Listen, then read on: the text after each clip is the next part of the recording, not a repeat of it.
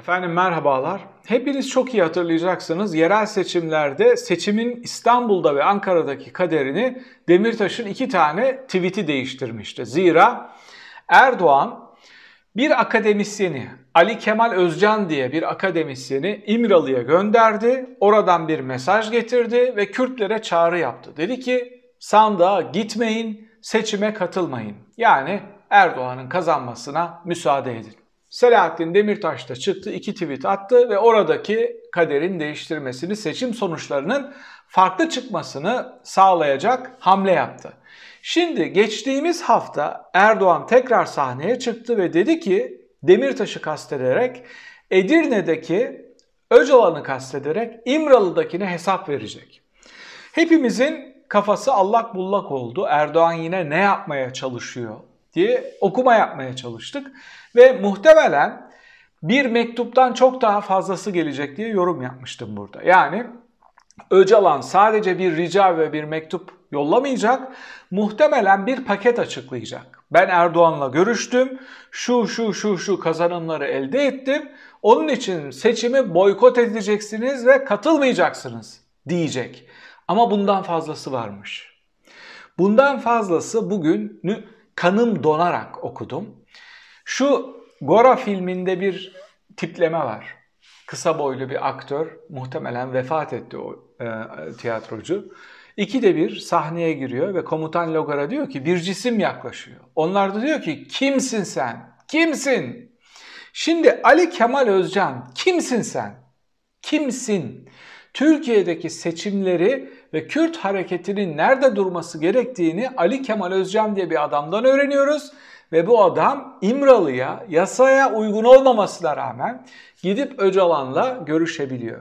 Bu adam tekrar piyasaya çıktı ve bugün bazı açıklamalar yaptı. Bunun yaptığı açıklamalar üstünden Kürt sorununun gidişatını, Demirtaş'ın geleceğini, HDP'nin nerede duracağını, APO'nun yapabileceği açıklamaları ve metropolden gelen ilk sinyalleri, sonuçları değil ama ilk sinyalleri özetliyorum.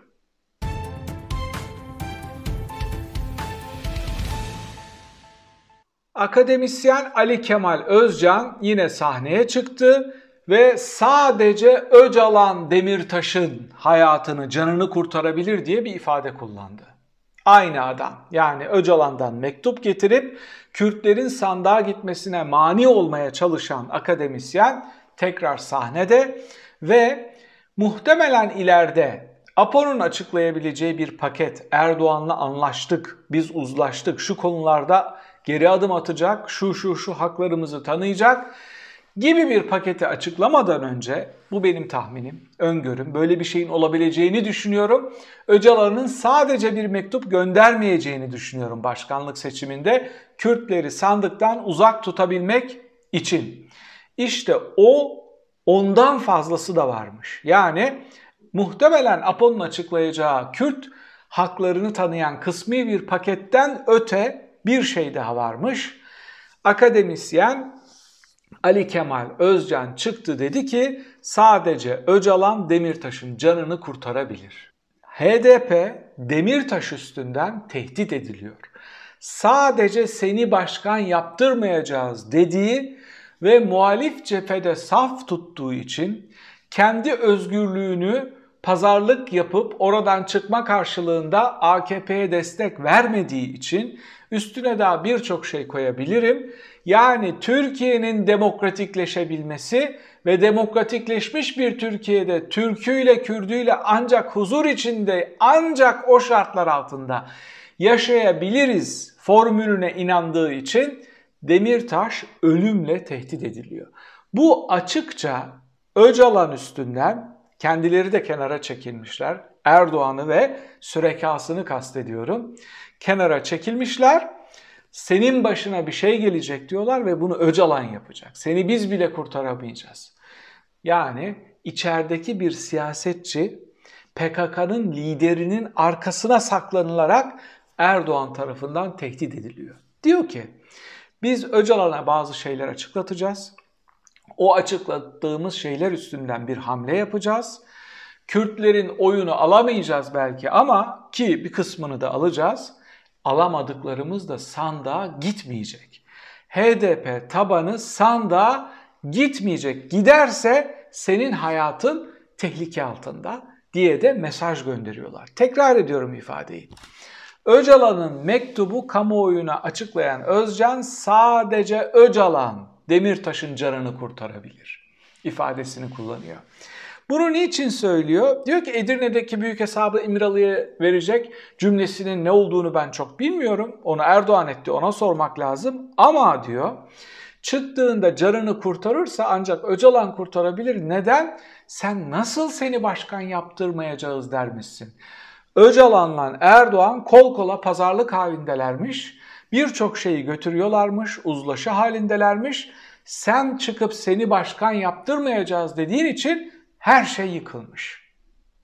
Her şey alt üst olmuş. Öcalan Erdoğan'la anlaşıyormuş, işi bitirmek üzereymiş. O çıkıp sen diyor Kürt halkını bir de Kürt halkını da düşman ilan ediyor şeye. Köpürtüyor Demirtaş'a karşı. Diyor ki anlaşmıştık diyor biz Erdoğan'la. Ya Erdoğan senin belediye başkanlarını orada bırakmadı. Yani Kürtler bu söyleme inanacak kadar Kürtlerin aptal olduğunu düşünmesi bu akademisyenin akademide yuttuğu toza yazıklar olsun. Senin seçilmiş belediye başkanlarını 3 gün bırakmadı. Diyarbakır Belediye Başkanı hala içeride tamamına neredeyse tamamına yakınına kayyım atadı. Diyor ki 20 sene sonra Tayyip Erdoğan'ın başında olduğu bir devlet Öcalan'la muhatap oldu ve bu muhatabı Kürtler adına Selahattin Demirtaş ısrarla herkesten fazla düşmanlık yaptı diyor. Sen engelledin diyor. Biz Erdoğan'la işi kotarıyorduk, pişiriyorduk. Şimdi Türkiye'nin geldiği nokta bu. Erdoğan'ın hesabını şimdi size anlatacağım. Nasıl bir hesap yapıyor? Önce şunu görelim.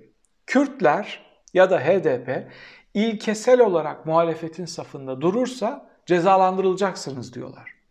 Yani HDP ve Demirtaş muhalefetin safında durup ilkesel olarak Türkiye'nin demokratikleşmesi için mücadele ederken kendi canlarını, özgürlüklerini ortaya koyduklarını başta siz ama en önemlisi muhalefet, daha da önemlisi onun içinde İyi Parti'nin görmesi gerekiyor. Ha siz derseniz ki biz Erdoğan'ı tercih ederiz. Öyle bir işte cephe oluşturup Türkiye'nin demokratikleşmesine hep birlikte bir fotoğraf vermektense biz Erdoğan'ı tercih ederiz derseniz bu da beni çok fazla şaşırtmaz açıkçası. Büyük bir şeye uğramam, sükutu hayale uğramam. O performansı da açıkçası damarlarına kadar ırkçılık aşılanmış bazı aktörlerden beklemiyor değilim. Ama e, şunu görmeniz gerekiyor. Buradan çıkış yolu, buradan çıkış yolu Demirtaş ve HDP'nin doğru yerde durmasıyla alakalı ya da onun ötesinde Kürtlerin doğru yerde durmasıyla alakalı. Kürtler sandığı boykot ettiği an oradan çıkma ihtimaliniz oldukça düşük. Neden? Neden? Çünkü çünkü bugün Konda da düzeltiyorum. Metropol de aynı sinyali verdi. Dediler ki işte Ocak Aralık ayında yapılan ekonomik hamleler gözle görülür bir şekilde oy oranlarına yansımış. Henüz açıklanan bir şey yok. Sosyal medyaya yansıyan bazı rakamlar var. Artırılan asgari ücret, durdurulan kurla birlikte AKP'nin oylarının 4,5 puan arttığını iddia edenler var. Bunu ne kadar doğru olduğunu birkaç gün sonra göreceğiz. Bunu Metropol açıklayacak. Yani 4,5 puan artırsa yaklaşık 38-39'lara çıkıyor AKP'nin oy oranı.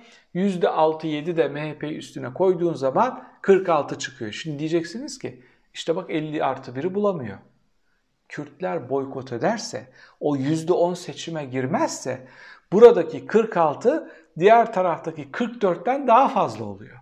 Millet İttifakı'nın etini budunu topladığınız zaman Kürtler olmadan, HDP olmadan 44'te kalıyorsunuz. Aslında bir açıdan güzel oluyor biliyor musunuz? Neden? Çantada keklik gördüğünüz HDP, çantada köklik gördüğünüz Kürt oyları gönüllerini alarak kazanabilmek ve aynı safta durup seçime onları getirebilmek için bir şeyler yapmanız gerekiyor. Kürtlere bir gelecek vaat etmeniz gerekiyor.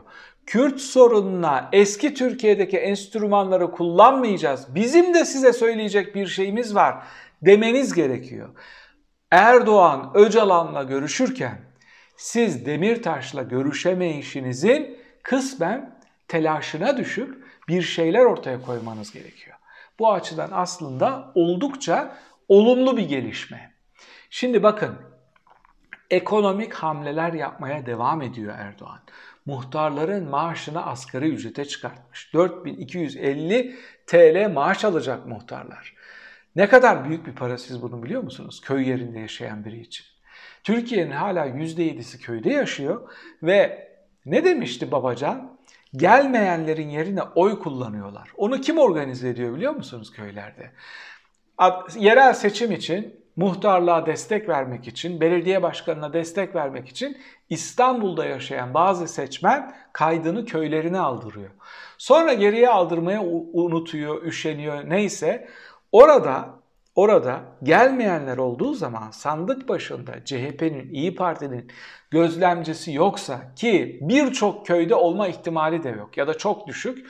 Orada gelmeyen oyları Babacan'ın iddiası tak tak tak tak seçimin bitişine 10 dakika kala ki bazen sosyal medyaya da yansıyor tak taklar. Bir de kameraya alıyorlar onları yayınlıyorlar. Korkusuz oldukları için muhtarlarla bunu döndürme şansları var. Muhtarlar köylerde bir AK Parti e, neferi gibi, bir Erdoğan neferi gibi çalışacak. Muhtarlara sadaka gibi bir maaş veriliyordu.